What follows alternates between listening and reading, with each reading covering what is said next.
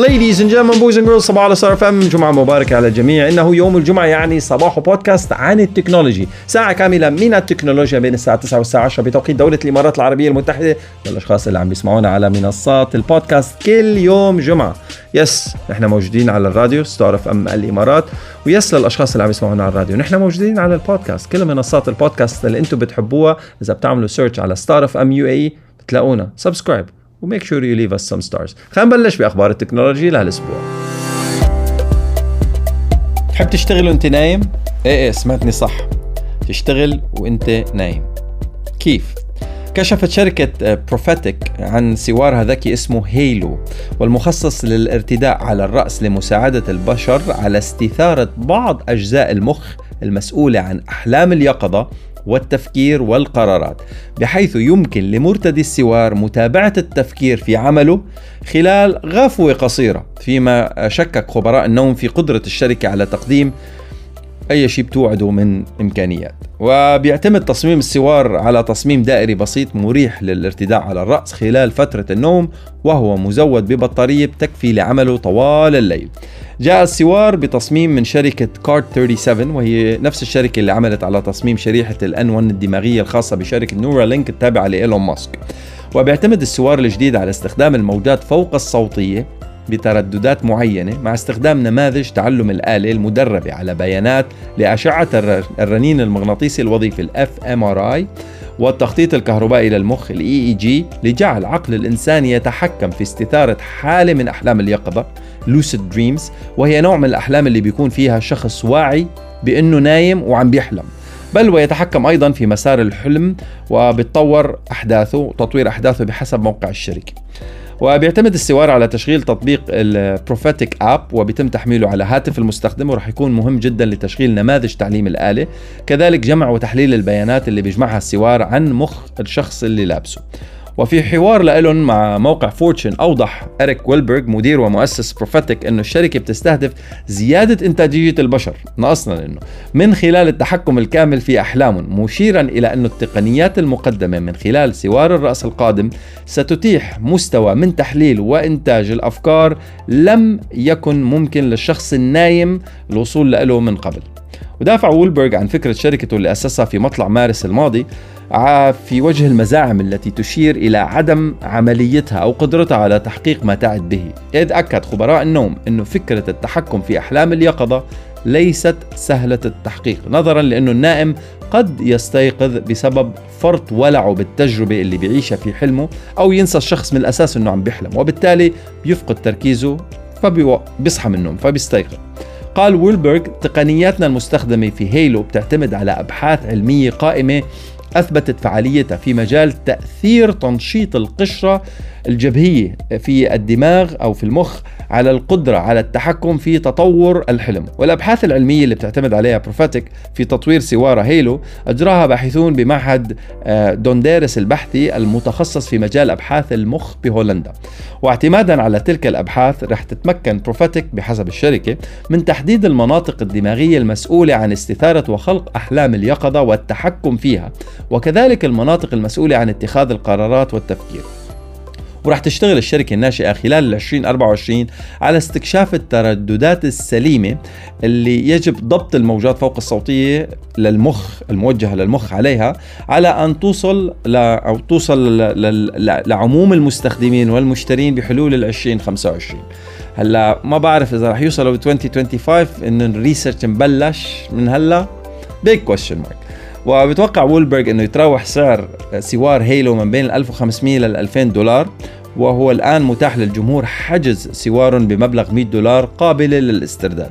يعني بكرة بدك بدك تحجز من هلا لغاية ما ينزل المنتج بال 2025 100 دولار. وفي الوقت اللي بي لم يحدد فيه مؤسس Prophetic عدد العملاء اللي حجزوا السوار الجديد إلا أنه أكد أنه الشركة حصدت مبلغا يقدر بمئات آلاف الدولارات من طلبات الحجز المسبق مما يعكس أنه عدد منتظري Halo يقدر بآلاف المستخدمين. كل العالم مستعجلة لانها تشتغل وهي نايمة. الله أكبر. صراحة ال team اللي شغال على واتساب عم بيشتغل شغل جبار. طرح تطبيق واتساب ميزة جديدة للحفاظ على المحادثات المقفلة. مسكر locked بعيدا عن أعين المتطفلين فبدلا من أنه يكون مجلد الدردشات المقفل مرئيا مع جميع المحادثات الأخرى يمكن الآن إخفاء الدردشات خلف رمز سري من اختيار المستخدم password يعني. وبحسب شركة ميتا المالكة للتطبيق فإنه استخدام أحرف وأرقام وأحرف خاصة special characters إشارة تعجب إشارة استفهام وهدول هدول الشغلات جميلة. وحتى الرموز التعبيرية ال emojis في الرمز السري الخاص بالمستخدم وفقا لموقع The Verge الأمريكي سيضيف نوعا من الطرافة والهضامة وال security layer مهمة. وكل ما على المستخدم فعله هو كتابة كلمة المرور هذه في شريط بحث الواتساب للعثور على المحادثات المقفلة. الله! وينكم من زمان؟ والهدف من هذه الخطوة هو منع الأشخاص من معرفة أنه لدى المستخدم مجلد دردشة مقفل في المقام الأول في حالة تسللهم بنظرة خاطفة على التليفون. بالإضافة إلى هذا الشيء يمكن اختيار ظهور المحادثات المقفلة في قائمة الدردشة الخاصة بالمستخدم بدلا من ذلك في أي وقت. وقدم واتساب لأول مرة الدردشات المقفلة في مايو الماضي واللي بتسمح بغلق المحادثات في مجلد لا يمكن للمستخدم فتحه إلا باستخدام بصمة الإصبع أو مسح الوجه أو كلمة مرور. جميل. وبالإضافة إلى ميزة الرمز السري الجديد بيقول واتساب أنه يمكنك الآن قفل الدردشة عن طريق الضغط لفترة طويلة على المحادثة بدلا من الدخول في إعدادات الدردشة. وبتطرح ميتا الرموز السرية بدءا من يوم بكرة؟ سبت إيه لا الأسبوع الجاي السبت. وراح تكون متاحة عالميا في الأشهر المقبلة. وقدم واتساب مطلع عام 2023 ميزة تأمين المحادثات الشخصية لمستخدميه على الهواتف الذكية من خلال البصمات الحيوية مثل الوجه أو الإصبع. وعلى من يرغب في الاستمتاع بهذه الميزة اتباع بعض الخطوات اللي بتختلف بين هواتف ال iOS والأندرويد وبتلاقوها على اليوتيوب كيف تحط هال password ات انضمت شركة أمازون إلى سباق تطوير روبوتات الدردشة ال chatbots للذكاء الاصطناعي حيث أعلنت عن الروبوت Amazon Q وهو مساعد رقمي موجه لعملائها من الشركات لدعم عمليات البحث عن المعلومات وكتابة لغة البرمجة ال coding ومراجعة مقاييس الأعمال. يأتي ذلك في الوقت اللي بتعمل فيه Amazon Web Services AWS وهي وحدة الحوسبة السحابية التابعة لشركة مبيعات التجزئة ال retail store الإلكترونية على دمج الذكاء الاصطناعي التوليدي في المزيد من منتجاتها وتوسيع جهودها لتهيئة السبيل لدخول مجال يتفوق فيه المنافسون الرئيسيون. قال آدم الرئيس التنفيذي ل Amazon Web Services يوم الثلاثاء خلال مؤتمر re:Invent اللي عقدته الشركة في لاس فيغاس أنه روبوتات الدردشة المدعومة بالذكاء الاصطناعي التوليدي مفيدة للغاية بالفعل للمستهلكين. ولكن في كثير من النواحي لا تعمل هذه التطبيقات بشكل فعال حقا. من المقرر أنه تطرح الشركة الروبوت Amazon Q واللي تقول أنه تم تدريبه جزئيا على التعليمات البرمجية والوثائق الداخلية في Amazon Web Services للمطورين اللي عم بيستخدموا المنصة السحابية للشركة. كما سيدمج ضمن برنامج ذكاء الأعمال الخاص بأمازون بالإضافة إلى برامج للعاملين في مراكز الاتصال ومديري الخدمات اللوجستية تقول الشركة أنه يمكن تهيئة المساعد للتعامل مع بيانات الشركات أو معلومات الأفراد وهناك خطوات خطوات مماثلة اتخذتها كل من مايكروسوفت بمنتجاتها مثل Copilot فضلا عن شركة جوجل آه، ل Alphabet بمنتجها Bard ولكن تسميته Q هل له علاقة ب Q Star؟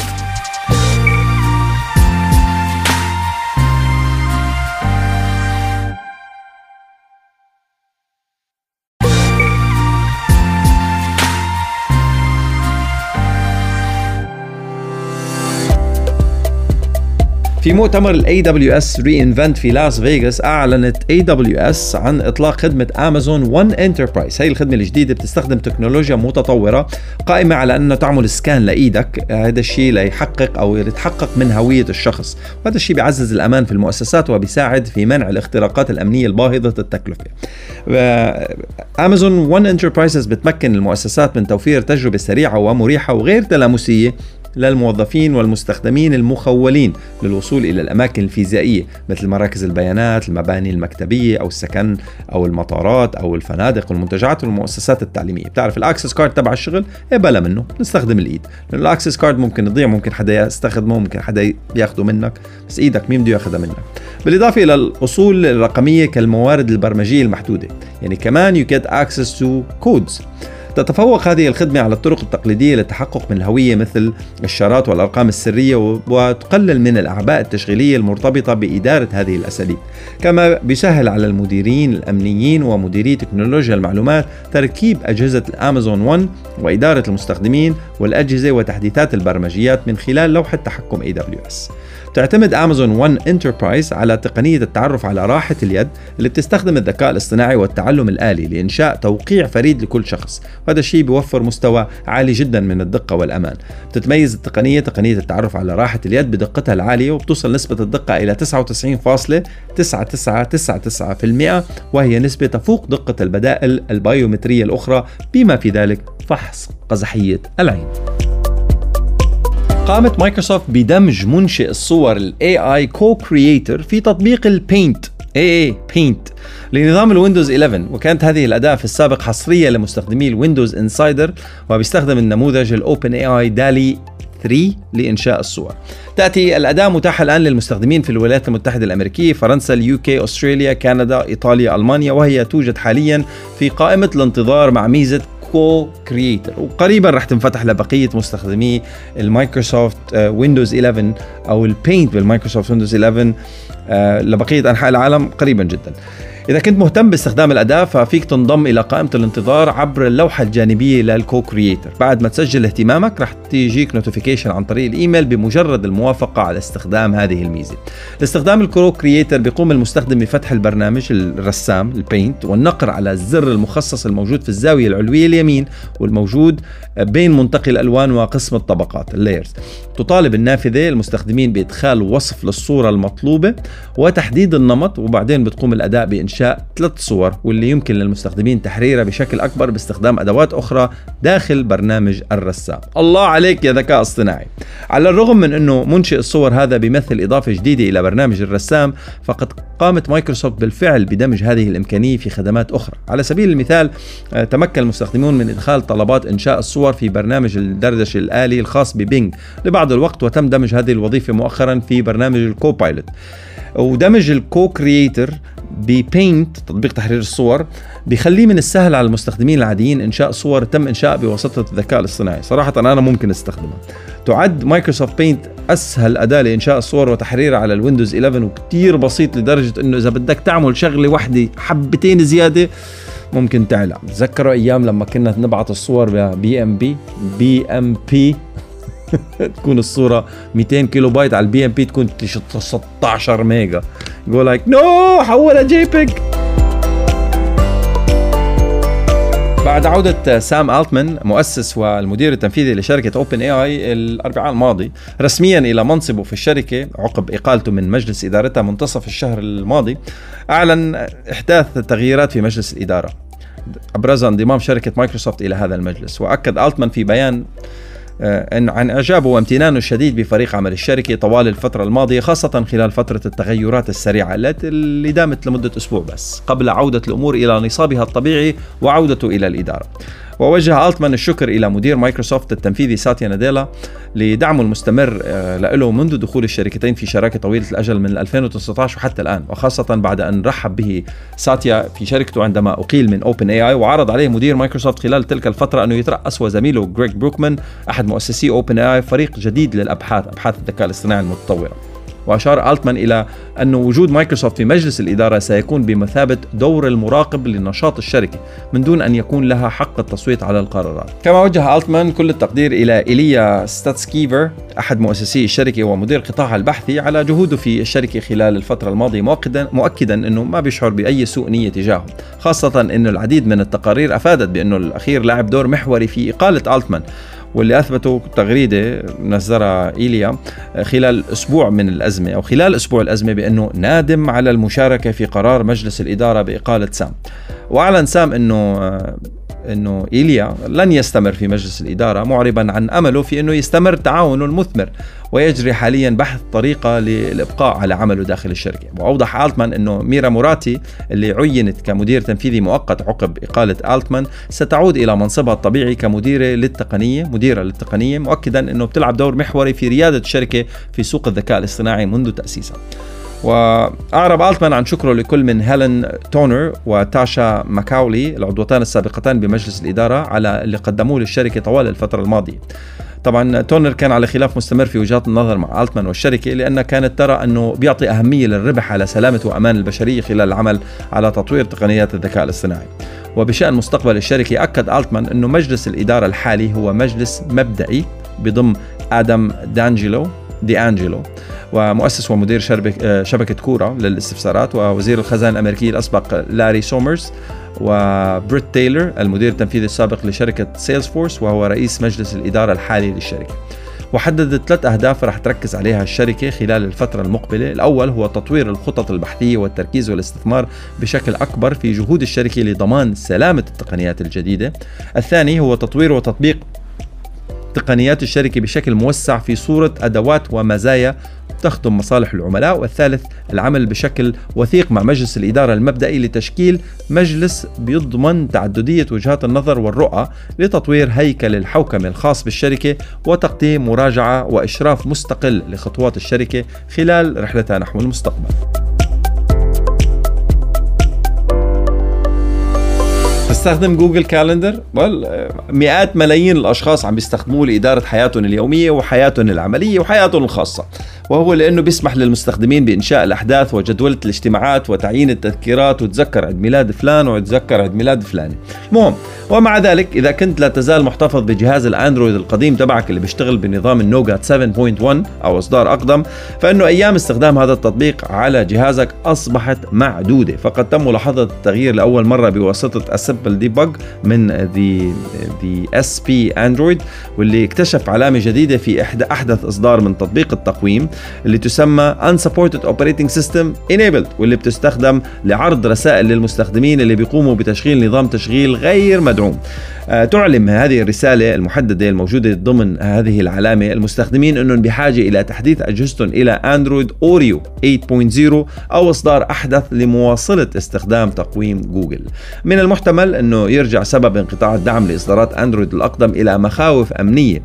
إذ تعتبر الإصدارات الأقدم من أندرويد أكثر عرضة للاختراق وفقدان البيانات وتريد جوجل التأكد من حماية مستخدميها.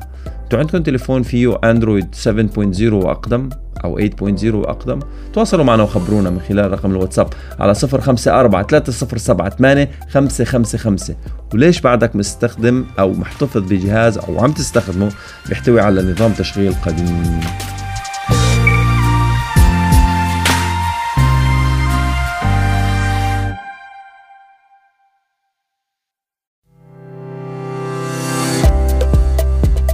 أعلنت جوجل إنه تطبيق رسائل جوجل وصل إلى مليار مستخدم. عم نحكي عن ال RCS. واحتفالا بذلك قامت الشركة بمنح التطبيق تطبيق الرسائل سبع ميزات جديدة. RCS بيتشابه مع ال iMessage من أبل ولكن ال RCS للهواتف اللي بتشتغل بنظام ال Android بس لهالفترة. السنة الجاية رح يتغير الموضوع. بيحتوي ال RCS على مؤشرات الكتابة وإيصالات القراءة والردود المترابطة ومشاركة الوسائط عالية الجودة محادثات جماعية محسنة وخصوصية أفضل. آه، ميزات الجديدة okay صار في شيء اسمه Photomoji وكما يوحي الاسم بتيح لك هذه الميزة تحويل الصور إلى تفاعلات باستخدام الجوجل AI مثل ال stickers على الواتساب الموجوده على الجهاز وبتم بعد ذلك حفظ كل هذه الإبداعات في علامة تبويب خاصة لما بت بدك آه، تعيد استخدامها. كما يمكن لأصدقائك في الدردشة الجماعية استخدام ال photo emoji اللي أنت أرسلته أيضا. بتبعت photo emoji أنت عامله فأصدقائك كمان بيصيروا يستخدموه. كمان المزاج الصوتي عبارة عن رموز تعبيرية متحركة بيتم تركيبها فوق الرسائل الصوتية من أجل التعبير بصريا عما تشعر به في تلك اللحظة. كما تمت زيادة معدل آه، ال bit للرسالة الصوتية ومعدل أخذ العينات لتحسين الجودة الملموسة. آه، بجودة الصوت بتتحسن ببطل مضغوط كتير الصوت. آه، بتعمل تأثيرات الشاشة على تمكين الرسوم المتحركة النابضة بالحياة من السيطرة على الشاشة كلياتها لما بتكتب رسالة محددة وهناك أكثر من 15 منها ولكنها مخفية. آه، جوجل بدها إياك تكتشف أكيد وحدة منهم happy new year أو happy birthday بتصير الشاشة تهز هيك. مثل ما كأنك تبعت iMessage ب happy birthday أو happy new year أو merry Christmas أو رمضان مبارك فبيصير تفاعلات all across the screen. إيه هذه كمان بدها تكون على ال RCS كمان عندك الفقاعات المخصصة فيمكن تخصيص لون الفقاعة والخلفية لأي من محادثاتك. فيك تختار لون مختلف لكل محادثة إذا كنت بدك هذا الشيء. وتقول جوجل إنه تأثيرات رد الفعل بتضفي المزيد من الحياة على محادثاتك وهي بتعمل على الرموز التعبيرية العشرة الأكثر شيوعا. وعندما تتفاعل مع واحدة منهم راح يتحرك التفاعل على الرسالة كلياتها اللي بتتفاعل معها. جميل. تعتبر الرموز التعبيرية المتحركة مجرد تأثيرات مرئية آه، لرموز تعبيرية محددة واللي بيتم تشغيلها لما بترسل رمز تعبيري محدد بس. وأخيرا أصبحت رسائل جوجل تحتوي الآن على ملفات شخصية آه، يمكن تخصيص اسم ملفك الشخصي وصورتك اللي راح ترافق رقم هاتفك بعد ذلك. يعني when you're contacting a person share your share your uh, display photo شارك صورتك شارك اسمك بالطريقة اللي أنت كاتبه. نفس نظام ال iMessage بس تتواصل مع أشخاص جداد and or حتى غيرت الاسم تبعك أو طريقة ال spelling أو حبيت تسمي حالك اللقلق الحزين في الصحراء مثلا ما بتعرف ال nickname ات الجداد.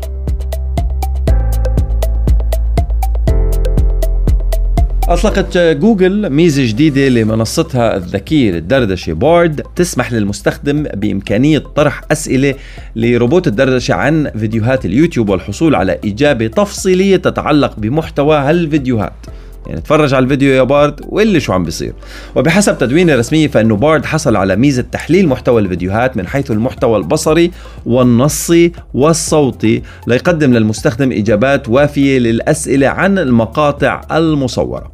وأشارت جوجل إلى أنه الميزة الجديدة رح تدعم قرارات أو قدرات بارد على فهم الفيديوهات على يوتيوب وتوسيع إمكانية الإجابة على تساؤلات المستخدمين. وترى الشركة أنه الميزة رح تفيد مع الفيديوهات الطويلة بشكل كبير. ومع الميزة الجديدة أصبح بارد قادر على التعامل مع الفيديوهات على يوتيوب بلغات مختلفة منها العربية والإنجليزية.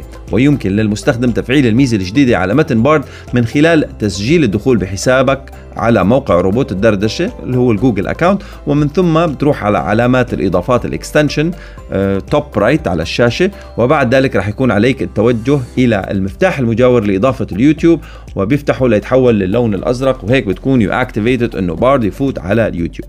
يذكر إنه جوجل وسعت مؤخرا قدرات بارد من خلال تقديم ميزات الإضافات ال extension واللي بتضع في قلب روبوتها البرمجي قدرات على التعامل مع البيانات والملفات من مختلف خدمات جوجل مثل Google Flight Google Hotels Google Maps وكذلك خدمات المكتبية Gmail و Docs للمستندات وال Drive للتخزين السحابي ولت أيام إنه نحضر الفيديو من الألف إلى الياء مشان نعرف شو عم بيصير. هلا بنخلي بنبعت بارد ليتفرج أعطينا الزبدة.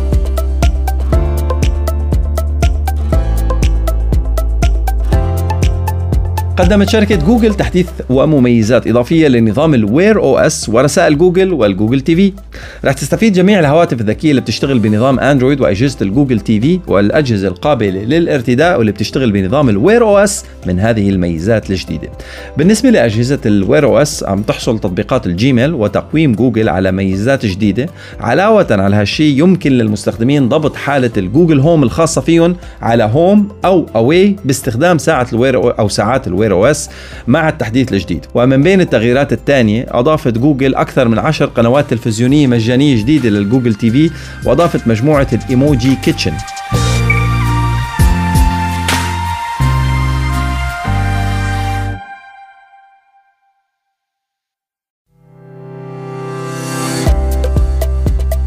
يمكن الآن لمستخدمي ال Pixel Buds Pro الاستمتاع بالتحكم من دون استخدام إيديهم على أجهزة البيكسل الخاصة فيهم من خلال التحديث الأخير لبرنامج العبارات السريعة.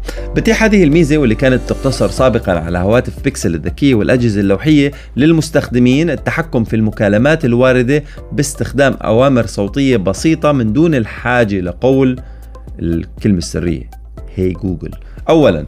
وهذا الشيء بيتيح التحديث أو يتيح التحديث واللي قدمته جوجل وتم رصده بواسطه الموقع 9 to 5 جوجل للمستخدمين. قول answer أو reject أو silence لإدارة المكالمات الواردة باستخدام ال Pixel Buds Pro وهذا يعني أنه حتى لو كان هاتفك في غرفة ثانية يمكنك بسهولة اتخاذ إجراء بشأن المكالمات الواردة من دون الحاجة إلى الوصول إلى جهازك التليفون من خلال الأوامر الصوتية. ومع ذلك من المهم ملاحظة أنه ال Pixel Buds Pro حاليا بيدعم فقط العبارات السريعة للمكالمات اللي هي بيسموها ال quick phrases مثل stop snooze, answer, decline, silence وهكذا.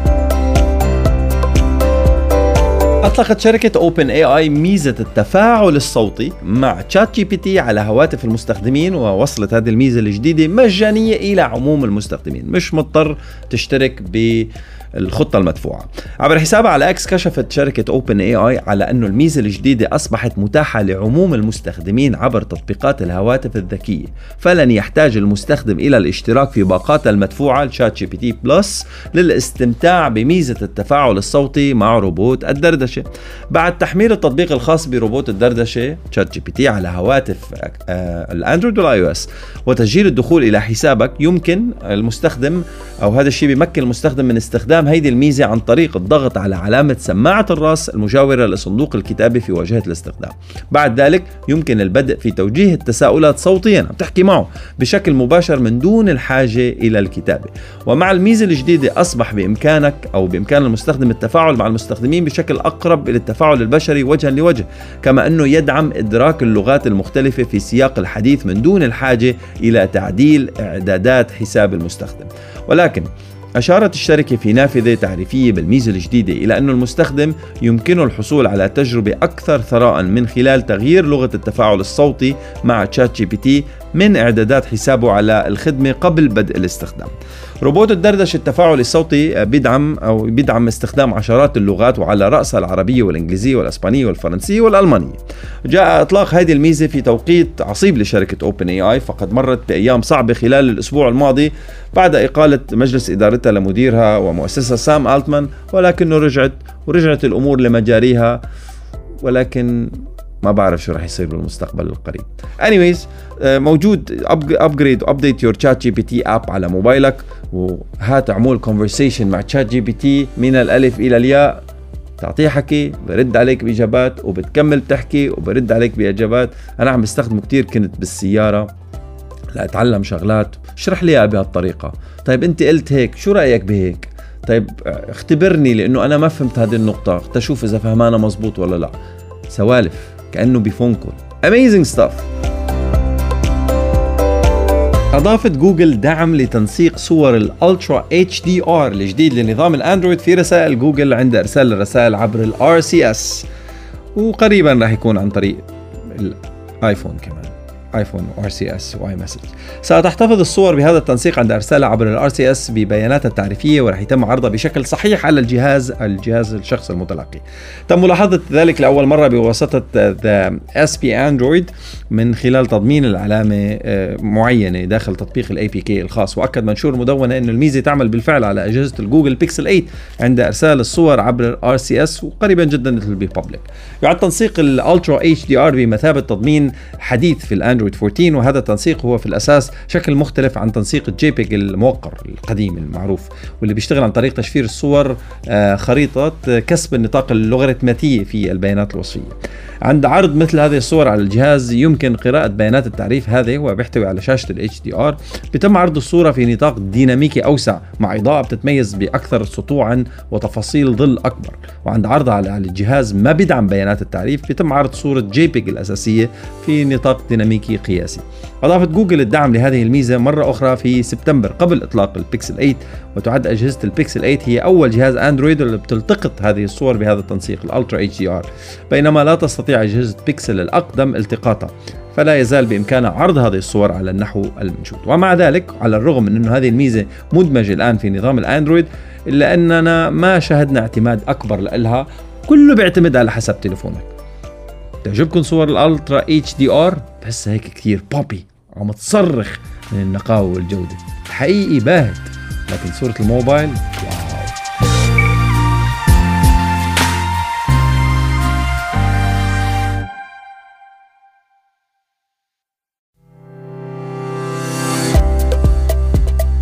أخيرا كسر سوق الهواتف الذكية العالمي الهبوط المستمر من 27 شهر وقدم القطاع اللي نما بنسبة 5% مقارنة بالفترة نفسها من العام السابق صورة إيجابية لأول مرة منذ يونيو 2021 وكان مصدر النمو هو منطقة الشرق الأوسط وأفريقيا تليها الصين والهند مباشرة. وفي الصين على وجه الخصوص زاد الاهتمام بالهواتف الذكية بشكل ملحوظ خاصة بعد إصدار سلسلة الهواوي ميت 60 علاوة على ذلك مع إضافة سلسلة الآيفون 15 أصبح الارتفاع حتميا وهذا ذكرنا بالأيام اللي كانت فيها المنافسة شرسة بين أبل وهواوي.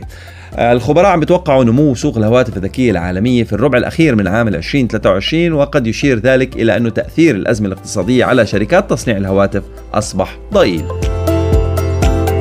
في خطوة مهمة لتعزيز تواجدها في الهند افتتحت AMD أكبر مركز تصميم عالمي لها وهو حرم ال Technostar للأبحاث والتطوير في بنغلور.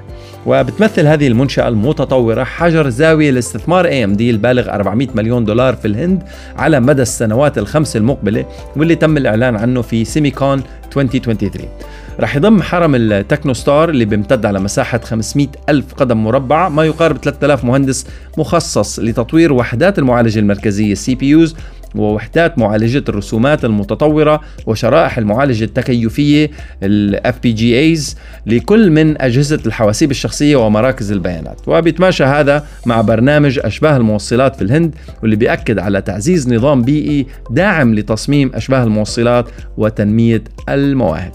بضم المرفق مختبر حديث للبحث والتطوير ومركز تجريبي مخصص للزوار ومساحات للتجمع التعاوني. وهذا الشيء بيعزز بيئة مواتية للابتكار والتعامل. ومع وجود ربع القوى العاملة العالمية لشركة AMD في الهند فإنه مركز التصميم الجديد رح يستعد للعب دور محوري في تطوير تقنيات السيمي كوندكتورز أشبه الموصلات. وتم افتتاح مركز البحث والتطوير آه، من قبل وزير مجلس الوزراء الاتحادي للسكك الحديدية والاتصالات والإلكترونيات وتكنولوجيا المعلومات في حكومة الهند عم تستعد جوجل لإيقاف حسابات المستخدمين غير النشطة اللي لم تستخدم في أي خدمة من خدمات الشركة خلال السنتين الماضيات وذلك اعتبارا من الأول من ديسمبر. وأوضحت الشركة في بيان أن هذا الإجراء يهدف إلى حماية الحسابات القديمة من مخاطر الاختراق نتيجة لعدم تحديث كلمات المرور وضعف فرص تأمينها بأساليب التحقق من الهوية بخطوتين اللي هي Two Factor Authentication. وأشارت جوجل إلى أنه رح يتم حذف كافة بيانات وملفات المستخدمين المخزنة على هذه الحسابات وسيتم إلغائها بدون رجعة محذرة من مخاطر تتراوح بين محاولات الاحتيال الرقمي وسرقة الهوية مما ينذر بانتهاك خصوصية المستخدم على الإنترنت. وفي خطوة لضمان حماية المستخدمين رح تحذف جوجل جميع البيانات المخزنة في حسابات المستخدمين. الخاملة لمدة سنتين على الأقل ابتداء من 1 ديسمبر. هذا الإجراء بيشمل بيانات المستخدمين عبر الخدمات المتنوعة مثل Google Workplace أو Workspace Gmail Google Docs Google Drive لتخزين ملفات وتقديم آه، تقويم ال Google Calendar و Google Meet. وتوضح الشركة أنه قرار حذف البيانات رح يكون محدود للحسابات الشخصية ولن يشمل الحسابات اللي تم إنشائها من قبل قطاع الأعمال للموظفين. بالإضافة إلى ذلك أشارت جوجل إلى استثناء حسابات تحتوي على محتوى فيديو على اليوتيوب وكذلك حسابات صناع المحتوى من قرار الحذف. تم الإعلان عن هذا القرار لأول مرة في مايو الماضي وأكدت جوجل أنها رح ترسل رسائل تنبيهية لأصحاب الحسابات الخاملة طوال الفترة الزمنية القبلية لتاريخ التطبيق واللي بيبدأ ب 1 ديسمبر 2023 وبيتم إرسال هذه الرسائل عبر البريد الإلكتروني التنبيهي وعبر العناوين البريد الإلكتروني الاحتياطي ال recovery mail إذا كنت حاطه. في صفحة صفحة الدعم الرسمية لجوجل أوضحت الشركة أنه المستخدم بإمكانه حماية حساباته القديمة من الحذف عبر استخدام أي خدماتها قبل الموعد المحدد اللي هو 1 ديسمبر. وأدرجت الشركة أشكال متعددة لهذا الاستخدام وبتضمن ذلك ضرورة تسجيل الدخول إلى الحساب أو إرسال أو قراءة رسائل بريد إلكتروني أو استخدام Google Drive أو مشاهدة فيديو على يوتيوب أو تحميل أي تطبيق من متجر Google Play أو إجراء عملية بحث على تطبيق جوجل أو استخدام حساب جوجل في إنشاء حساب على أي تطبيق موبايل بطريقة ال sign up with Google. So just activate your account. تشتغل شركة OpenAI المطور ل ChatGPT على تأجيل إطلاق متجر ال GPT Store الخاص فيها لأوائل عام 2024 وفقا لرسالة بريد إلكتروني طلع عليها فريق من The Verge قدمت الشركة أداة اسمها ال GPT Builder الخاصة فيها بأوائل شهر نوفمبر في أول مؤتمر للمطورين وهذا الشيء منح المشتركين طريقة سهلة لإنشاء روبوتات الذكاء الاصطناعي المخصصة الخاصة فيهم. وفي هذاك الوقت قالت OpenAI أيضا إنها رح تطلق قريبا متجر GPT للمستخدمين لإدراج ال GPTs الخاصة فيهم وربما كسب المصاري من وراهم. كان من المقرر في البداية إطلاقه في نوفمبر ولكن مع الإطاحة المفاجئة بالرئيس التنفيذي لشركة OpenAI سام ألتمان واللي تم إعادته إلى منصبه بعد 3 4 5 أيام لم يسير الشهر كما كان مخطط له وأجلوا هذا الموضوع. قالت OpenAI في بريدها الإلكتروني لمستخدمي GPT Builder يوم الجمعة الماضي فيما يتعلق بما هو قادم نخطط الآن لإطلاق متجر GPT في أوائل العام المقبل وأضافت على الرغم من أننا كنا نتوقع اصداره هذا الشهر إلا أن هناك بعض الأشياء التي جعلتنا مشغولين بشكل غير متوقع. تشير الرسالة الإلكترونية أيضا إلى أن الشركة قامت بإجراء تحسينات على ال GPTs بناء على تعليقات المستخدمين وتقول أنه بعض التحديثات على ال ChatGPT في الطريق. طبعا كانت شركة OpenAI بصدد إعادة تنظيم قيادتها في أعقاب الاضطرابات اللي شهدتها الأسابيع القليلة الماضية وأكدت الشركة يوم الأربعاء أنه ألتمان عاد إلى منصبه منصب الرئيس التنفيذي مع تعيين ميرا موراتي في منصب المدير التنفيذي للتكنولوجيا وغريغ بروكمان كرئيس للشركة. كما أعلنت الشركة عن تشكيل مجلس إدارة جديد أو مبدئيا جديد مجلس إدارة أول جديد بتضمن تمثيل من مايكروسوفت كأكبر كواحد من أكبر مستثمرينها كمراقب لا يحق له التصويت.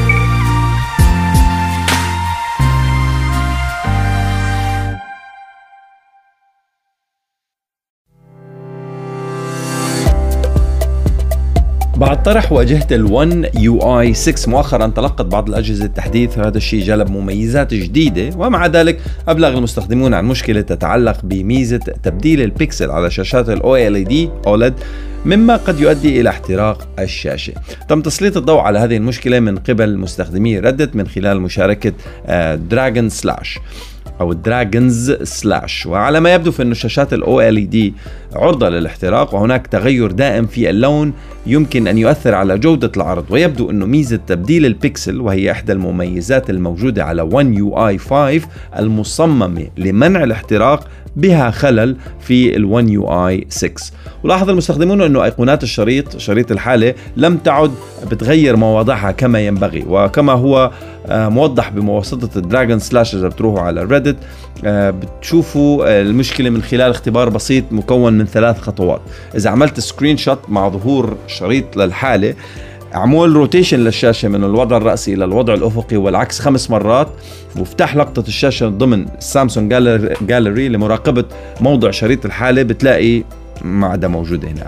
وبمقارنة لقطات الشاشة من 1 يو اي 5 و 1 يو اي 6 من الواضح أنه شريط الحالة في ال 1 يو اي 6 عم بضل ثابت. هذا الشيء بيشير إلى وجود مشكلة محتملة في ميزة الحماية من الاحتراق. Did you upgrade to 1 UI 6? أصدرت منصة تيليجرام تحديثا رئيسيا لتطبيقاتها على ال iOS والأندرويد وبتضمن مجموعة من المميزات الجديدة والمحدثة. من السنة الماضية تمكن مستخدمي تيليجرام Premium من الحصول على ترانزليشن مش ترانزليشن ترانسكرايبنج يعني تحويل الرسائل الصوتية والرسائل الفيديوية إلى نصوص من غير ما تسمعها جميل. والآن عم تفتح هذه المنصة الميزة للجميع وإن كان ذلك على أساس أكثر محدودية. رح يتمكن المستخدمون المجانيون مش دافعين لل premium من تحويل رسالتين أسبوعيا إلى نص فقط. إذا ضغطت على الأيقونة حيطلع لك ب... إذا جاك voice note حيطلع لك حرف ال A وسهم حسب الاتجاه يمين أو يسار. إذا بتكبس عليه بيقرأ الرسالة الذكاء الاصطناعي وبيحولها لنص وبتصير تقراها قراءة من غير ما في داعي مش مضطر تسمعها مفيدة جدا وخاصة إذا عم تنيم الأولاد. إذا بتسمع voice note كلهم بيصحوا لا هلأ بتصير تقراهم قرايه amazing رسالتين بس مشان تتذوق حلاوة الذكاء الاصطناعي. وتشير تليجرام إلى أنه عم تطرح هذه الميزة تدريجيا لذلك قد لا تتمكن من الوصول إليها على الفور. Your telegram most probably you'll get it. وفي مكان آخر عم تتطلع تليجرام إلى تحسين اكتشاف القناة. عندما بتنضم إلى قناة channels راح تشوف مجموعة مختارة من القنوات العامة المشابهة لهذا الشيء أو لهذه القناة اللي اشتركت فيها. تعتمد تليجرام في هذه التوصيات على أوجه التشابه في قواعد المشتركين. يعني كثير مشتركين اشتركوا بهالقناة وكثير منهم اشتركوا بقناة ثانية فمن الممكن أنك تكون حابب تشترك من بهذه القناة كمان. هيك. يمكنك الآن تضمين تعليق فيديو أو تفاعل مع قصة وراح يكون عندك القدرة على تغيير حجم الرسالة رسالة الفيديو أو نقلها حوالين الشاشة. يمكن كمان إضافة رسالة فيديو وهي ميزة بتاخذ آه، صفحة من قواعد تشغيل تيك توك عن طريق الضغط باستمرار على أيقونة الكاميرا في محرر القصة لالتقاط مقطع صور شخصية. وفيك تضبط مستوى الصوت عن طريق الضغط بإصبعك على مسار الفيديو الموجود آه، أسفل الشاشة. يعني كتير in-app development يعني ما في داعي تطلع برات تطبيق تليجرام مشان تقدر تعمل فيديوهات أو تعمل تحسينات أو أو أو أو تنزل فيديو مشان تحضره برا. خلص كلياته من خلال التطبيق نفسه. في كتير updates لتطبيق التليجرام آه، كتير منها موجودة على ال premium وكتير منها عم تيجي على تطبيق ال free آه، اللي هو قريب جدا من البريميوم ولكن هيك اللي تتذوق. حلاوة استخدام الذكاء الاصطناعي حلاوة سهولة استخدام التطبيق بحيث إنه تقدر تستخدم القنوات تقدر تستخدم ال groups ال voice chats ال video chats آه شوية ذكاء اصطناعي machine learning recommendation engine والله صراحة في بعض القنوات بتغنيك حتى عن تصفح الإنترنت. أنتم متعمقين كتير بالتليجرام ولا لا؟ تواصلوا معنا من خلال رقم التليجرام. كنت تقول واتساب. هو واتساب وتليجرام على صفر خمسة أربعة ثلاثة صفر سبعة ثمانية خمسة خمسة خمسة. يا ما أحلى الذكاء الاصطناعي. أطلقت شركة ميتا إصدارات جديدة من نموذجها للترجمة اللي اسمه سيمليس M40 باستخدام تكنولوجيا الذكاء الاصطناعي. ذكرت الشركة في بيان رسمي أنه النموذج الجديد بيشمل أربع إصدارات والإصدار الأول ال Seamless M4T version 2 من الجيل الثاني. بيمكن ترجمة النصوص والكلام المنطوق بشكل لحظي. طول بالك اسمع.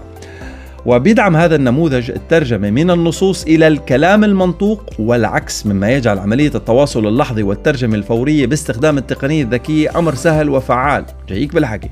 وبتشمل التحديثات الجديدة إصدار بيحمل اسم Seamless Expressive واللي بيتيح شوف هون إضافة طبقة من الانفعالات الصوتية إلى الأصوات المترجمة مما يعزز واقعية الترجمة الصوتية وبيعكس انفعالات المتحدث الأصلي بشكل أكثر بشرية. الله عليك! يعني أنا بس عصب بالعربي هو صوتيا بعصب مثلا بالصيني أو بالهندي أو بالفرنسي مثلا بنفس صوتي بس مترجم. رائع. كما يأتي الإصدار الثالث باسم Seamless Streaming واللي بيقدم ترجمة لحظية للنصوص مما يسهم في تسهيل التواصل اللفظي والنصي الفوري وبيجعل المحادثات بين الأفراد أكثر سلاسة حتى في حال اختلاف اللغات. أما الإصدار الرابع فبيجي باسم Seamless وبيتميز بتكامل جميع الإصدارات الأخرى داخله مما يوفر تجربة شاملة ومتكاملة لاستخدام الترجمة بواسطة الذكاء الاصطناعي.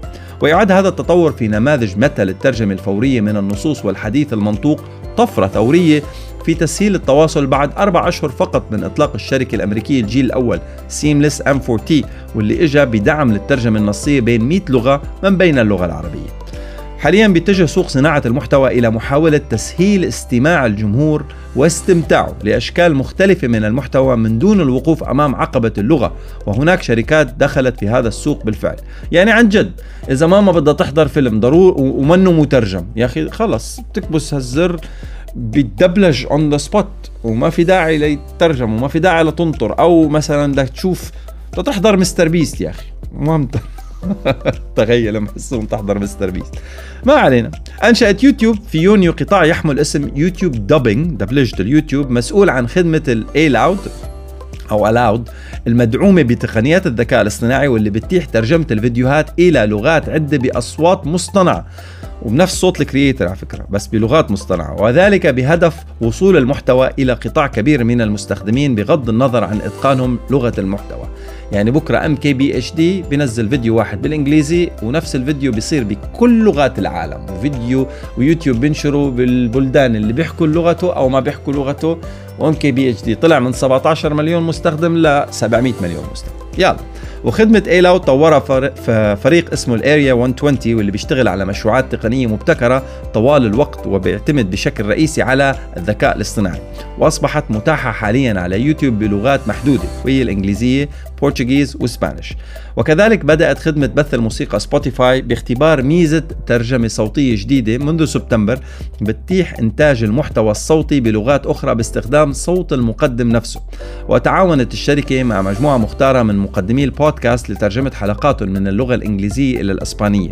وأشارت الشركة إلى أنه بتخطط لتوسيع نطاق الميزة الجديدة لتوفير ترجمات باللغتين الفرنسية والألمانية في الأسابيع المقبلة. لكس فريدمان واحد من الأشخاص اللي على بودكاست Spotify اللي تم هو بينزل البودكاست بالإنجليزي. بودكاستاته جميلة على فكرة لكس آه بينزل البودكاست بالإنجليزي اوتوماتيكيا بيصير اسبانيش وقريبا جدا رح يصير فرنش وقريبا جدا رح يصير جيرمن فالمجهود واحد والأثر عالمي رائع.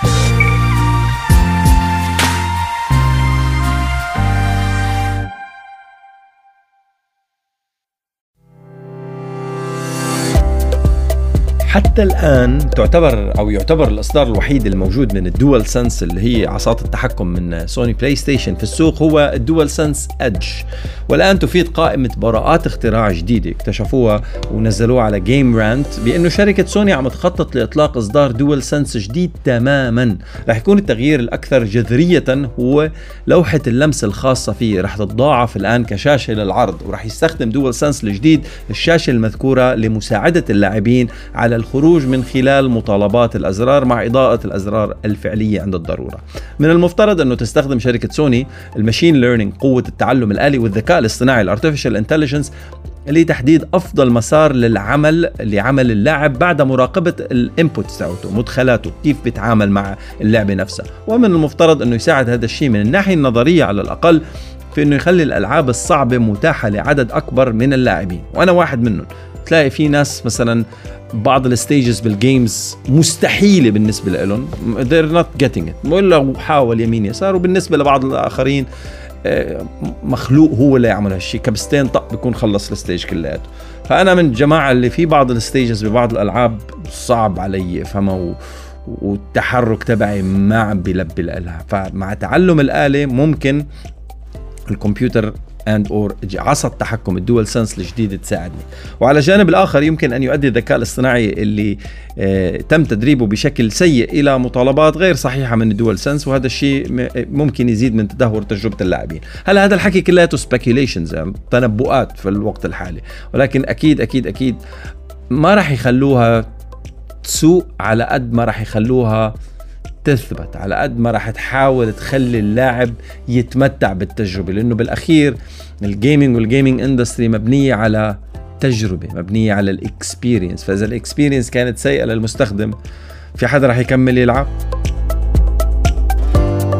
بحسب بيان رسمي من جوجل يوتيوب أشارت الشركة إلى أن الإعلانات على يوتيوب هي الداعم الرئيسي اللي بيساعد صناع المحتوى على الاستمرار في تقديم وإنتاج محتوى متجدد. وبالتالي فإنه يوتيوب من الممكن أنه يحرم المستخدم من المشاهدة في حال رصد استخدامه لخدمات حجب الإعلانات ال ad blockers وأوضحت جوجل أنه الخيار في يد المستخدمين إما متابعة مشاهدة يوتيوب مع الإعلانات أو الاشتراك في خدمة يوتيوب بريميوم المدفوعة مقابل اشتراك شهري للمشاهدة من دون إعلانات. سعت جوجل لسنوات طويلة لتضييق الخناق على برمجيات أو ال add-ons اللي بتنحط على المتصفح على ال browser to block the ads بسموها ال ad blockers لحجب الإعلانات على يوتيوب. ولكن الأمر أصبح أكثر جدية منذ مطلع يونيو ل 2023 لما بدأت يوتيوب في اختبار حرمان بعض المستخدمين من مشاهدة الفيديوهات على منصاتها إلا إذا أوقفوا برمجيات حظر الإعلانات. ووسعت منصة الفيديوهات نطاق الاختبار في أغسطس حيث بدأت إظهار شاشة بتوضح أن المستخدم بيخالف معايير يوتيوب مع كل مرة بيحاول فيها مشاهدة فيديو على المنصة مع تشغيل ال add-on لحجب الإعلانات ال ad blocker على المتصفح. ولكن تلك الرسالة كانت تتضمن زر يتيح تخطيها ومتابعة المشاهدة مع استمرار تفعيل برمجيات حظر الإعلانات. بحسب تقرير نشره موقع ذا فيرج فإنه أحد محرريها لم يكن لديها القدرة على تخطي الرسالة التنبيهية لمتابعة مشاهدة يوتيوب إلا عن طريق إما إيقاف برمجية حجب الإعلانات أو الاشتراك في يوتيوب بريميوم ونشرت برمجة آه، حجب الإعلانات ال Adblock Plus واللي بتعد أحد آه، أشهر البرمجيات في حجب الإعلانات على متصفحات الويب تدوينه في منتصف أكتوبر. تؤكد خلالها أنه يوتيوب بدأ في اتباع سياسة أكثر صرامة مع حظر الإعلانات مؤكدة أنه في بعض الأحيان لن يتمكن المستخدم من استمرار مشاهدة يوتيوب إلا مع السماح للإعلان في الظهور.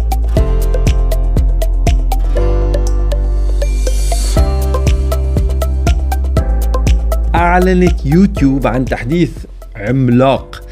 بتمكن المستخدمين من إنه يستمتعوا بعدد من الألعاب على المنصة مباشرة. في تغيير هو الأول من نوعه على المنصة الأشهر لتدفق الفيديوهات. وحاليا رح تتدفق الألعاب ولكنها رح تكون ميزة حصرية حاليا لأصحاب الاشتراكات المدفوعة على المنصة مع توقعات بتوسع لتوصل للجميع خلال الفترة القادمة. عم بيختبر يوتيوب الميزة الجديدة في تحديثات لدى عدد محدود من المستخدمين من أجل التجربة اولا قبل ما توصل للجميع بشكل نهائي. ورصد بعض المستخدمين تبويب تبويب جديد اسم اسمه playable بيحتوي على أكثر من 30 لعبة يمكن تشغيلها ولعبها على المنصة مباشرة وبسهولة. بس تطبيق واحد يوتيوب تفتحه تلعب. وبتحضر فيديوهات وبتحضر shorts تسمع موسيقى وكمان بودكاستات. وفقا لتقرير نشره ذا فيرج فتتيح المنصة للمستخدمين أصحاب الاشتراكات المدفوعة في بريميوم الوصول إلى مجموعة من الألعاب عبر الإنترنت واللي يمكن لعبها مباشرة على تطبيق الهاتف أو تطبيق سطح المكتب. كما بيظهر من اسم الميزة فإنه يوتيوب بيطلق إمكانية اللعب على المنصة بالتعاون مع الشركة المعروفة باسم Playables ولكنها ميزة تجريبية بتظهر للمرة الأولى للاختبار لدى بعض المستخدمين. ذكر التقرير أنه المنصة أرسلت إشعارات قبل أيام إلى المشتركين في الخدمة المدفوعة بالمنصة لإبلاغهم بالألعاب القابلة للتشغيل والسماح لهم بتجربتها. وراح يتمكن أولئك اللي اختاروا الاشتراك من اللعب بما مجموعه 37 لعبة صغيرة موجودة بشكل فعال داخل يوتيوب مباشرة من دون الحاجة لتنزيلها أو تثبيتها. streaming games طبعا آه، لا يمثل اختيار الألعاب تحدي كبير ولكن مجموعة شهيرة من الألعاب الممتعة للجمهور مثل Angry Birds, Showdown, Brain Out Daily شو كان اسمها هيدي؟ Daily Solitaire wow جميل. كنت ألعب سوليتير أيام الويندوز إكس بي و Daily Crossword وعدد من الألعاب الثانية I can see them here على screenshot because I don't have access to it. So once I have access farmland كمان. okay okay. جميل جميل. billiards فيكم تلعبوا billiards you can stream billiards. آه ذكرت الشركة في ال notification أن الألعاب رح تكون متاحة حتى 28 مارس 2024 وفي الوقت الحالي يمكن لأعضاء ال premium العثور على المكتبة الكاملة للألعاب ضمن قسم الألعاب القابلة للتشغيل أو ال playables في علامة التبويب explore أنتم مشتركين؟ وصلتكم ال notification are you playing خبرونا وتواصلوا معنا من خلال رقم الواتساب على 054 307 555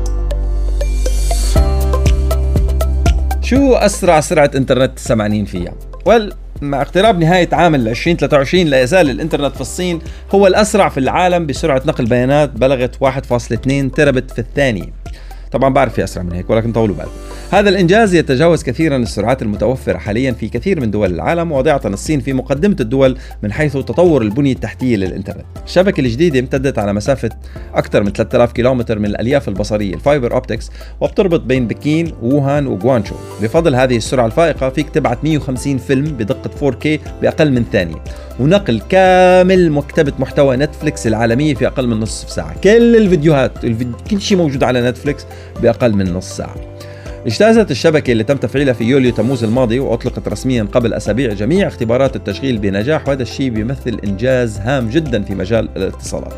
تجاوز هذا الإنجاز التوقعات الصناعية. كان من المتوقع ظهور شبكات آه، بسرعة بت آه، بالثانية بحلول عام 2025 وحاليا عم تعمل معظم شبكات الإنترنت الرئيسية في العالم بسرعة 100 جيجا بت في الثانية جيجا مش تيرا وانتقلت الولايات المتحدة مؤخرا إلى الجيل الخامس من شبكات الإنترنت إنترنت 2 بسرعة 400 جيجا بت في الثانية ويشار إلى أن الصين لا تدعي بأنها الأسرع عندها أسرع سرعة نقل بيانات على الإطلاق لأنه تم تسجيل أسرع سرعة نقل بيانات بأكثر من 300 تيرا بت في الثانية في اليابان. think السنة الماضيه أو early this year إذا ماني غلطان. هالشبكة هي جزء من مشروع البنية التحتية لتكنولوجيا الإنترنت المستقبلية ال FITI F I T I في الصين وهي مبادرة بتستمر لعقد من الزمان وبتعد أحدث إصدار من شبكة الصين للتعليم والبحث آه، CERNET وأكد وو جيان بينغ قائد مشروع ال FITI من الأكاديمية الصينية للهندسة على نجاح تشغيل هذا الخط الفائق السرعة وتزويد الصين بالتكنولوجيا المتطورة اللازمة لبناء إنترنت أسرع في المستقبل. من, جاب من جانبه أوضح وانغ لي نائب رئيس هواوي تكنولوجيز قدرة الشبكة على نقل بيانات تعادل 150 فيلم عالي الدقة في ثانية واحدة. آه، وقارن آه، آه، شيو مينغوي من جامعة من جامعة من الجامعات هذه الشبكة بخط قطار فائق السرعة.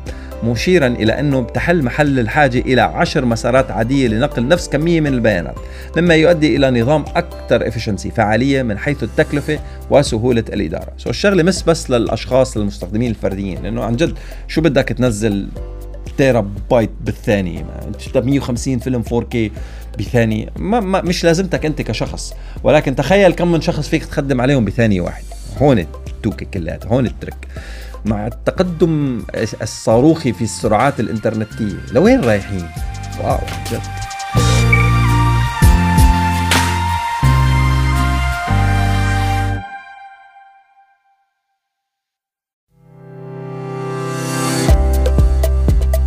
تسعى شركة الذكاء الاصطناعي xAI التابعة لإيلون ماسك لجمع تمويل بقيمة مليار دولار من المستثمرين عبر بيع حصص وفقا لملف إيداع جديد. جمع إيلون ماسك بالفعل ما يقارب ال 135 مليون دولار وفق وثيقة مقدمة إلى لجنة الأوراق المالية والبورصة لا تتضمن أسماء المستثمرين وكان موقع Axios قد نشر في وقت سابق عن التسجيل. أسس ماسك شركة xAI في وقت سابق من هذا العام لمحاولة منافسة شركات الذكاء الاصطناعي التوليدي الأخرى بما في ذلك OpenAI حيث كان الملياردير واحد من مؤسسيها. طرحت الشركة منتج واحد لأول مرة وهو برنامج آه، روبوت دردشة بيسمى Grok. تم تدريبه على بيانات من شبكة X الاجتماعية تويتر سابقا واللي already بيمتلكها إيلون ماسك. ووفقا للموقع الإلكتروني للشركة فإنه مصمم أو Grok مصمم للإجابة على الأسئلة بقدر من الذكاء كما أنه يتمتع بطابع متمرد.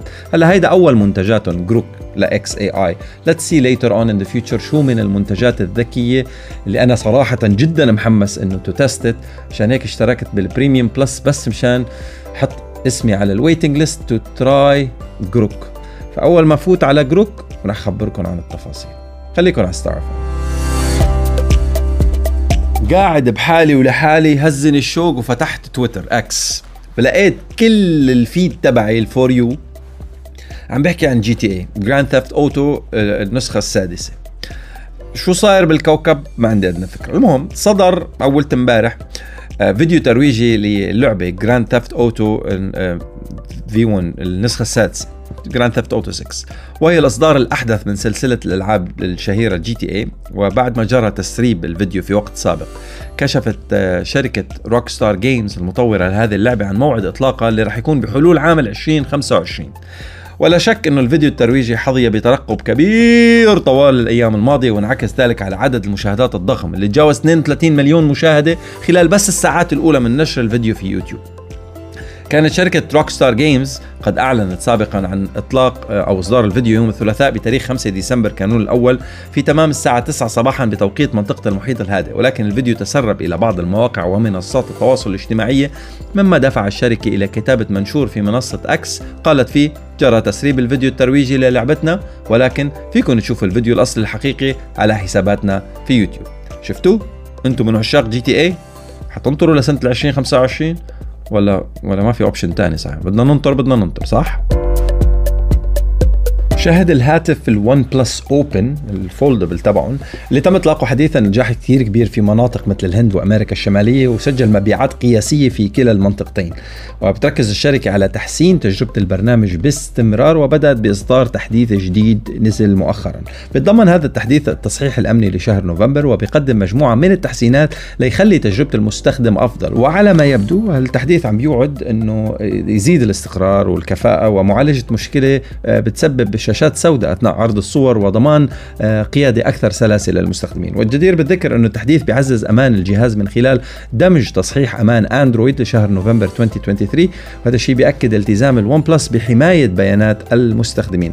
بالإضافة إلى التحسينات عم بيشتغل التحديث الأخير على تحسين ميزات الاتصال وتتلقى اتصالات البلوتوث تعزيز للاستقرار وتوافق موسع للمستخدمين اللاسلكيين مما يضمن تجربة سلسة وموثوقة. وبتخضع اتصالات الشبكة أيضا لتحسينات.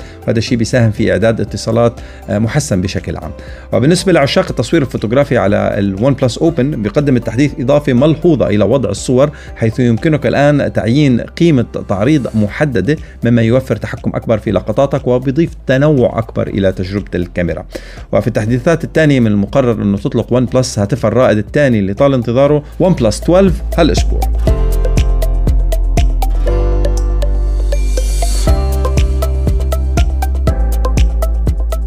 أضاف تطبيق الواتساب خيار إرسال ملفات الصور والفيديو بحالتها الأصلية من دون تغيير أو compression أو أي تلاعب. خلص الصورة مثل ما أخذتها the highest quality possible بتنبعت مثل ما هي في آخر تحديث لنظام ال iOS باستخدام هذه الميزة يمكن للمستخدمين الآن اختيار إرسال ملفات الوسائط المتعددة من دون الضغط الإضافي اللي قد يقوم به التطبيق لحفظ البيانات. هذا الخيار آه، منفصل عن خيار جودة ال HD اللي تمت إضافته في وقت سابق من هذا العام واللي سيؤدي فقط إلى ضغط الملفات قليلا للحفاظ على المزيد من الجودة الأصلية. So can هلأ choose document لغاية up to 2 جيجا بايت يا file يا photo or video بجودتها الأصلية وبتحدد بهذه من خيارات ارسال المستندات وبيتم تقديم خيار اضافي لهم انت بالزمانات كان فيك تعمل بس تبعت مستند تبعت بس مستند اللي هو file. هلا فيك choose a photo or video وبتنبعت مثل مثل ال file من غير أي compression which is great amazing برافو هيدي على ال iOS بس ما بعرف إذا نزلت على ال Android team Android بس خبرونا إنه فيكم تبعتوا photo or video على على ال Android على الواتساب على ال Android من غير خيار الضغط. مش HD في choose photo or video ك ك كمستند ك file خبرونا تواصلوا معنا من خلال رقم الواتساب على 054 3078 555 هيدا خبر wow صراحة. يعني بيانات تخزن للأبد. كيف؟ Okay. في شركة اسمها Cerabyte آه، أصدرت آه، مقطع فيديو بيعرض نموذج أولي لنظام تخزين بيانات مصنوع من السيراميك وإمكانياته. من المتوقع أنه يحدث هذا النظام ثورة في عالم مراكز البيانات في المستقبل إذ آه، يمكن أنه تصبح وحدات التخزين المصنوعة من السيراميك واللي بتتم كتابة البيانات عليها باستخدام الليزر هي السائدة بحلول عام 2030 هاي التوقعات. على نقيض وحدات التخزين ال SSD وال HDD ال solid state drives وال hard disk drives المستعمله اليوم آه، رغبة Cerabyte في تصنيع وحدات تخزين باستخدام مادة السيراميك إلى جانب الزجاج للاحتفاظ بكمية كبيرة جدا من البيانات هي اللي عم تقود الشركة. إذ تخطط الشركة إلى صنع وحدات تخزينية بحجم كف اليد فيها تخزن عشرة آلاف تيرابايت من البيانات.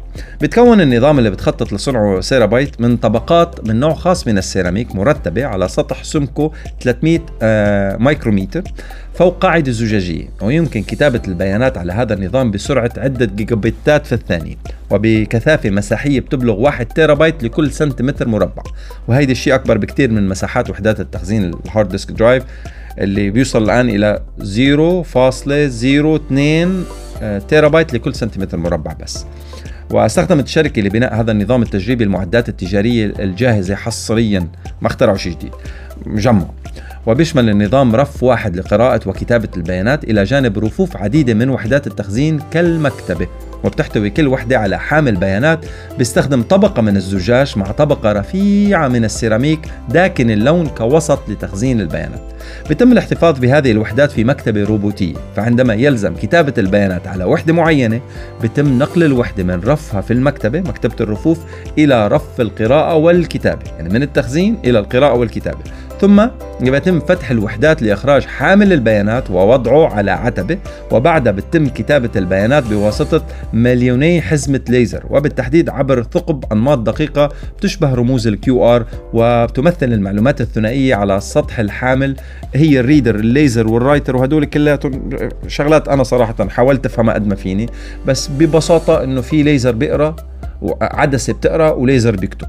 هذا اللي فهمته. تتم كتابة هذه الأنماط من البداية إلى النهاية لتقوم بعدها كاميرا هي العدسة مجهرية بالتحقق منها متحركة من النهاية إلى البداية عند إعادة حامل البيانات إلى موضعه الأصلي وعند انتهاء كتابة البيانات بيتم إرجاع حامل البيانات إلى وحدة التخزين اللي بيتم نقلها مرة أخرى إلى رفوف المكتبة. كما تتم عملية قراءة البيانات بطريقة مماثلة ولكن خلالها بيتم استخدام الكاميرا المجهرية فقط لقراءة الأنماط المشابهة لرموز ال QR على حامل البيانات بالتحرك في كلا الاتجاهين. آها so يعني الليزر بيكتب وفي كاميرا بتحقق يتم التحقق من الكتابة من بعد انتهاء عمل الليزر. هذا في مرحلة الكتابة. عند مرحلة القراءة. ما في ليزر ولكن في عدسة مجهرية كاميرا. بس بتقرأ من غير أوكي فهمتها. هيك فهمتها. إيه فهمناها سوا. ما يزال هذا النظام التجريبي غير قادر على منافسة أفضل أنواع وحدات التخزين المتوفرة حاليا ولكن تخطط الشركة إلى توسيعه في المستقبل حيث تدعي الشركة أن النظام قليل التكلفة وسريع وقابل للتطوير لا يلائم المستقبل. وذلك لأنه لا يستهلك أي طاقة لتخزين البيانات ولأنه يمكن أن يبقى لأكثر من خمسة ألاف عام نظرا لكونه مصنوع من السيراميك مما يتفوق بدرجات على وحدات التخزين ال SSD وال HDD واللي يجب استبدالها كل بضعة سنوات. Yes إذا عندك hard disk قديم غيره لأنه ال hard disk له عمر. بدك تقرأ على ال box تبع ال hard disk and or you can Google بتلاقي إنه عن جد كل hard disk له عمر ولازم إذا بدك البيانات تضلها موجودة عندك تجيب hard disk جديد وتنقل عليها. فإذا هيدي نزلت قصة السيراميك وبتضلها 5000 سنة تورث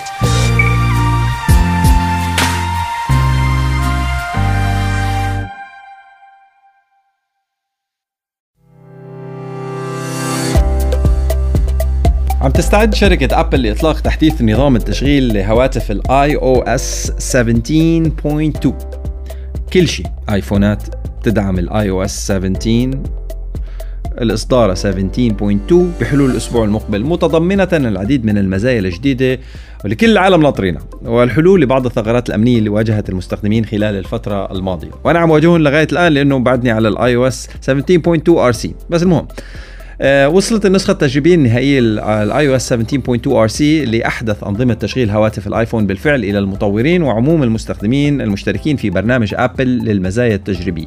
وبحسب موقع الشركة فإن التحديث البرمجي المنتظر سيقدم العديد من المزايا مثل إمكانية تخصيص زر ال Action Button للترجمة الصوتية الفورية وإتاحة تصوير الفيديوهات الثرية ال spatial audio عبر هواتف الآيفون 15 خصيصا لتشغيلها على نظارة أبل Vision Pro Pro آه وكذلك تطوير تجربة المستخدم للتكبير عند التصوير بهواتف ايفون 15 Pro إلى جانب سد عدد من الثغرات مثل حل مشكلة شحن أحدث هواتف ايفون لاسلكيا مع عدد من السيارات. الايفون 15 Pro كان على بعض السيارات I think ال BMW كانت واحدة منها ما كان يشحن لاسلكيا فهيدي آه ال patch راح تحل المشكلة المفروض. وأخيرا كمان وصول خدمة ال Journal. آه بعد الكشف عنها لأول مرة في يونيو وصلت خدمة Journal الجديدة للتدوين على هواتف الآيفون واللي بتسمح للمستخدم بتدوين تجاربه ومواقفه الحياتية. اكتب لي وعبر لي عن شعورك. وبيسهل التطبيق هذه المهمة من خلال جمع الصور والفيديوهات والمواقع الجغرافية والموسيقى وبيانات تمارين اللياقة وغيرها بحيث يتمكن المستخدم من التدوين عنها. غير إنه الصور موجودة واللوكيشنز موجودين ومين اتصلت موجود شو رأيك كمان تفضفض لنا وتعطينا مشاعرك كلياتهم وبنشبك لك إياهم كلياتهم بتجربة جميلة جدا اسمها جورنال وبيدعم التطبيق المستخدم بعدد من الأدوات لفلترة البيانات المجموعة على متن التطبيق ليتمكن المستخدم من الوصول سريعا للبيانات اللي يرغب في الكتابة عنها وربطها بذكرياته. وللحفاظ على تركيز المستخدم بيوفر التطبيق إمكانية جدولة ال notifications الإشعارات التنبيهية لتذكير المستخدم بالتدوين حيث يمكنه اختيار الأيام والتوقيتات اللي بتصل فيه تلك الإشعارات للتليفون. كما يسمح التطبيق بتخزين ومزامنة جميع تدوينات المستخدم داخل حسابه على ال iCloud هذا الشيء بيسمح بالوصول إلى جميع التدوينات من جميع الأجهزة. دخلكم حينزل على ال iPadOS مفروض يعني. That's a great note taking device.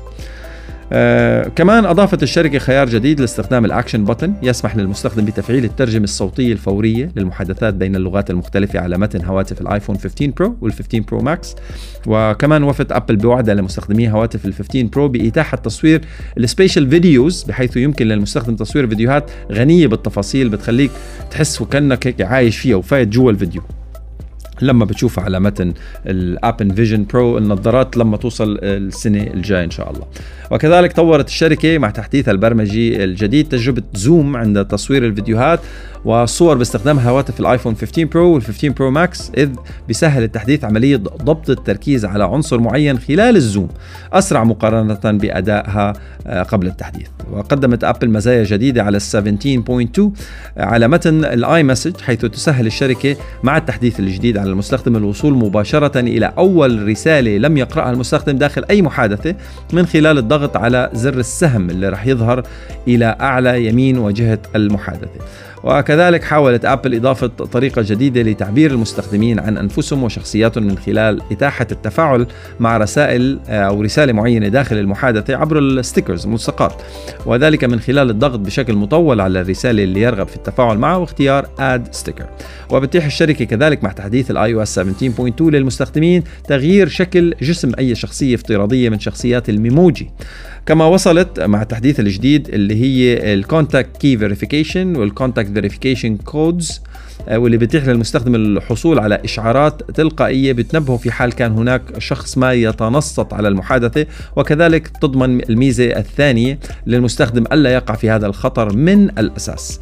وسيجعل التحديث القادم من أبل المستخدم على دراية بأحوال الطقس واحتمالية تساقط الأمطار وهطول الثلوج لمدة 10 أيام مقدما كذلك سيمنح المستخدم من إبقاء عينة أو إبقاء عينه عفوا على تطورات أحوال الطقس المختلفة من خلال توفير التحديث لمجموعة جديدة من التطبيقات التطبيقات المصغرة ال widgets من مثل نسبة تساقط الأمطار والتوقعات الجوية اليومية وسرعات الرياح وجودة الهواء. إلى جانب ذلك راح يكون المستخدم قادر على استخدام خريطة كاملة لحركة الرياح على مدار 24 ساعة قادمة ليكون مستعد بارتداء الملابس المناسبة. الله الشياكة. كما يوفر التحديث إمكانية متابعة شكل القمر وتطوره على مدار الشهر الكامل بشكل مسبق فيمكن للمستخدم معرفة شكل القمر كيف سيكون في يوم معين. إلى جانب المزايا الجديدة اللي رح يجيبها iOS 17.2 بتحديث لقدرات مساعد أبل الذكي ال Siri بحيث تتمكن Siri من الإجابة على تساؤلات المستخدمين الخاصة بحالتهم الصحية من خلال آه، منحه إمكانية الوصول إلى بيانات تطبيق ال Health app. التحديث بيقدم إمكانية الشحن اللاسلكي بتقنية التشي 2 لهواتف ايفون 13 وايفون 14 وهي من المزايا اللي فاجأت عموم المستخدمين بوصولها. ويسمح التحديث أيضا آه، للمستخدمين بتبادل عدد كبير من أنواع البيانات مع الآخرين عبر هواتف الآيفون من خلال ميزة ال AirDrop مثل تبادل تصاريح الصعود للطائرات ال boarding passes تذاكر السينما وغيرها من الوثائق القابلة للتبادل. سهلت ابل على مستخدمي خدمة ابل ميوزك العودة إلى أغانيهم المفضلة من خلال إنشاء تبويب جديد خاص بذلك يسمى Favorite Songs Playlist. وأتاحت الشركة للمستخدم التحكم في كيفية استخدام سجل استماعه للموسيقى على أبل ميوزك بحيث بيتحكم في كيفية تأثير ذلك على الأغاني المقترحة واحتمالية ظهور تلك الأغاني في قائمة المستمع أو المستمع إليها مؤخرا. Recently Played. وأضافت أبل كذلك تطبيق مصغر جديد للساعة الرقمية. يمكن للمستخدم استعماله على الشاشة الرئيسية لهاتفه وكذلك بيظهر عند استخدام الهاتف في وضعية ال standby beautiful standby collection صراحة. ولو إني بلوم إنه very limited collection وفي شغلات ممكن الواحد كان يستخدمها أكثر anyways أكيد for future update وتقدم الشركة أيضا ميزة ال enhanced autofill بحيث بتسهل على المستخدم ملء حقول النصوص في الوثائق في صيغة ال PDF من خلال اقتراح كتابة الأسماء والعناوين بشكل سريع. كل هدول بال iOS 17.2 so make sure you update it and or upgrade your phone. أول ما ينزل sometime next week. راح خبركم. أعلنت ميتا عن إيقاف إمكانية إجراء الشات الدردشة السواليف بين فيسبوك ماسنجر وإنستغرام ماسنجر بداية من منتصف شهر ديسمبر كانون الأول الجاري. وكانت ميتا قد أتاحت ربط خدمة المراسلة الفورية فيسبوك ماسنجر مع إنستغرام قبل ثلاث سنين ليتمكن المستخدمون من تبادل الرسائل عبر المنصتين التابعتين لها. ووفقا لما نشر عبر قسم الدعم الرسمي فإن مستخدمي إنستغرام لن يكون بمقدورهم إجراء محادثات جديدة مع حسابات فيسبوك أو الاتصال فيها. وسوف تبقى كافة المحادثات بين مستخدمي كلتا المنصتين كما هي حيث ستصبح متاحة للقراءة فقط من دون القدرة على تبادل رسائل جديدة. ولن تتمكن حسابات فيسبوك من عرض حالة النشاط لحسابات إنستغرام كما لن تنقل أي دردشات أجريت في حسابات فيسبوك إلى البريد الوارد في ماسنجر ويمكن استئناف الدردشات مع جهات الاتصال في ماسنجر باستخدام حساب فيسبوك فقط بعد دخول التغييرات الجديدة حيز التنفيذ. ليش؟ ما عندي أدنى فكرة. لا يعرف حتى الآن الأسباب اللي بتدفع متى لإجراء تلك التغييرات ولكن آه، على الأرجح أنها مرتبطة بقانون الأسواق الرقمية اللي سنه الاتحاد الأوروبي وأن جزء من تحضيرات واسعة بتعدها متى للامتثال لذلك القانون. وبيجبر القانون الشركات الكبرى على توفير إمكانية التشغيل البيني بين منصات المراسلة. بنروح بنقطعه لا ما هيك. وتشير التقارير إلى أن ميتا تختبر إمكانية استقبال الرسائل من تطبيقات المراسلة الخارجية في تطبيق الواتساب. وكانت الشركة قد أجرت أيضا بعض التعديلات في خدمة ماسنجر خلال الفترة الأخيرة منها إيقاف دعم رسائل ال MMS وال SMS في اندرويد وإغلاق تطبيق ماسنجر Lite عم تراهن شركة ميتا بلاتفورمز على أن الذكاء الاصطناعي سيقنع المستخدمين بقضاء المزيد من الوقت على تطبيقات التواصل الاجتماعي الخاصة بها العام المقبل. وأن تستخدم هذه التكنولوجيا لإجراء أكبر التغييرات على امتداد منصاتها منذ إطلاق مقاطع الفيديو القصيرة ال Reels في عام 2020 في هذا الصدد تعكف الشركة حاليا على اختبار أكثر من 20 ميزة مختلفة للذكاء الاصطناعي بدءا من البحث إلى الإعلانات والرسائل التجارية وغيرها عبر منصاتها المختلفة في فيسبوك، إنستغرام، ماسنجر، واتساب. وفي نهاية المطاف رح يتم تطبيق هذه الأدوات على مستوى العالم. كشفت شركة جوجل عن نموذجها الأحدث والأكثر تطورا للذكاء الاصطناعي اللي سمته Gemini AI واللي تؤكد إنه نجح في التفوق على نموذج شركة اوبن اي اي تشات جي بي تي 3.5 وحتى 4.0 بجدارة. وبحسب بيان رسمي أعلنت الشركة الأمريكية أن النموذج الجديد رح يزود روبوت الدردشة المعروف بارد بقدرات أعلى عند إنجاز العديد من المهام مثل الإدراك والتعامل المنطقي مع النصوص والتخطيط والعديد من القدرات الأخرى. Gemini رح يوصل بثلاث إصدارات متفاوتة الإمكانيات هي النانو وال Pro وال Ultra. ال Ultra تأجل للسنة الجاي ال Pro انحط ببارد والنانو رح يكون لل mobile phones حيث تستهدف جوجل تشغيل نموذجها نموذجها الذكي الجديد على جميع المنصات الذكية بداية من الهواتف وصولا إلى ال data centers مثل ما حكينا ال Ultra. وسيجري تضمين Gemini في روبوت جوجل للدردشة بارد على مرحلتين. المرحلة الأولى رح تبدأ بوصول Gemini Pro إلى بارد بداية من امبارح اليوم بكرة وهاليومين. بحيث يبدأ الأمر أنا already عندي يعني. بحيث يبدأ الأمر مش تميزا لا إنه already if you go to bard.google.com most probably رح يكون موجود عندك. بحيث يبدأ الأمر بدعم اللغة الإنجليزية على مستوى 170 دولة حول العالم إلى على أن يصل التحديث لمزيد من الدول ويتسع الدعم ليشمل عدد أكبر من اللغات الطبيعية خلال الفترة المقبلة. يعني كان قبل يومين عم بيحكوا إنه ممكن نأجل لأنه already هو متميز بالإنجليزي ولكنه باللغات الثانية لسه عم نمرنه ما كتير جاهز blah blah blah فبلكي على السنة الجاي January أو Q1 أو أو أقول لك شو؟ نزلوا والظاهر جماعة كانوا كتير جاهزين لأنه في شيء 20 فيديو. إذا بتروحوا على deepmind.google.com بتشوفوا ال Gemini website من فريق DeepMind وبتشوفوا إنه مسجلين كتير marketing material للموضوع وجدا رائع.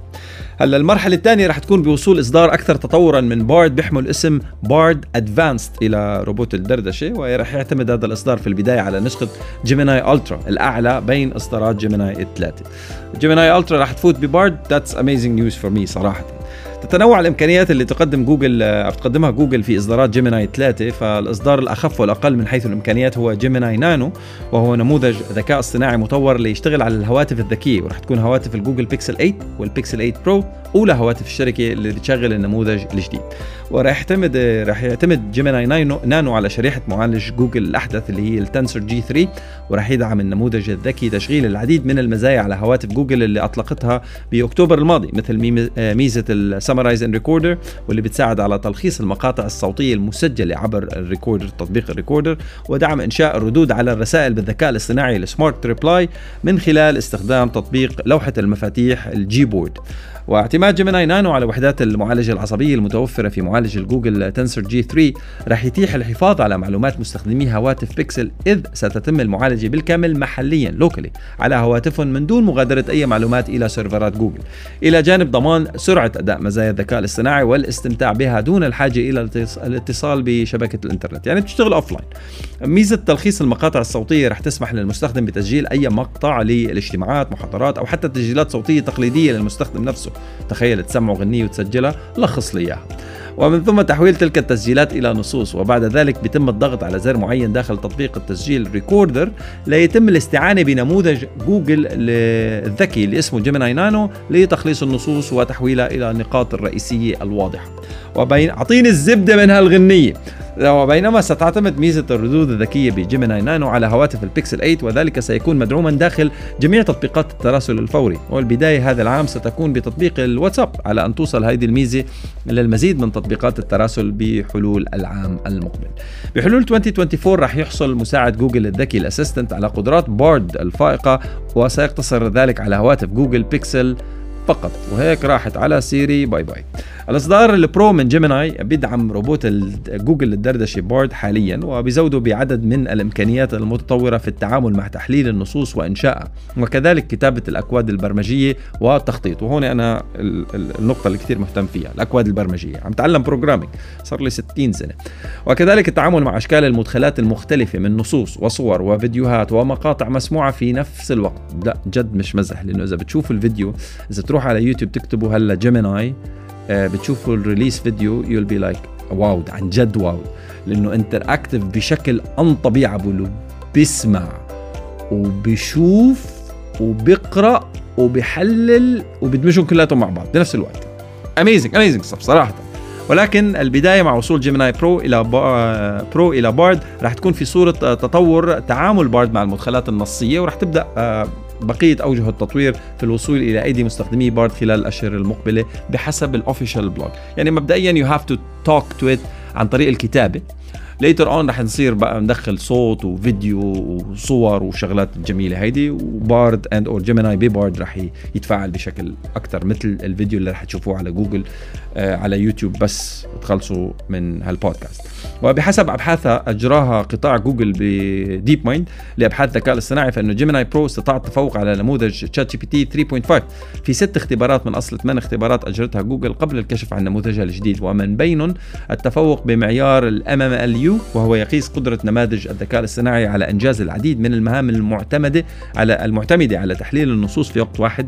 بجانب تفوق Gemini Pro في معيار ال GSM8K والخاص بقدرة النماذج الذكية على التعامل مع المعادلات الحسابية.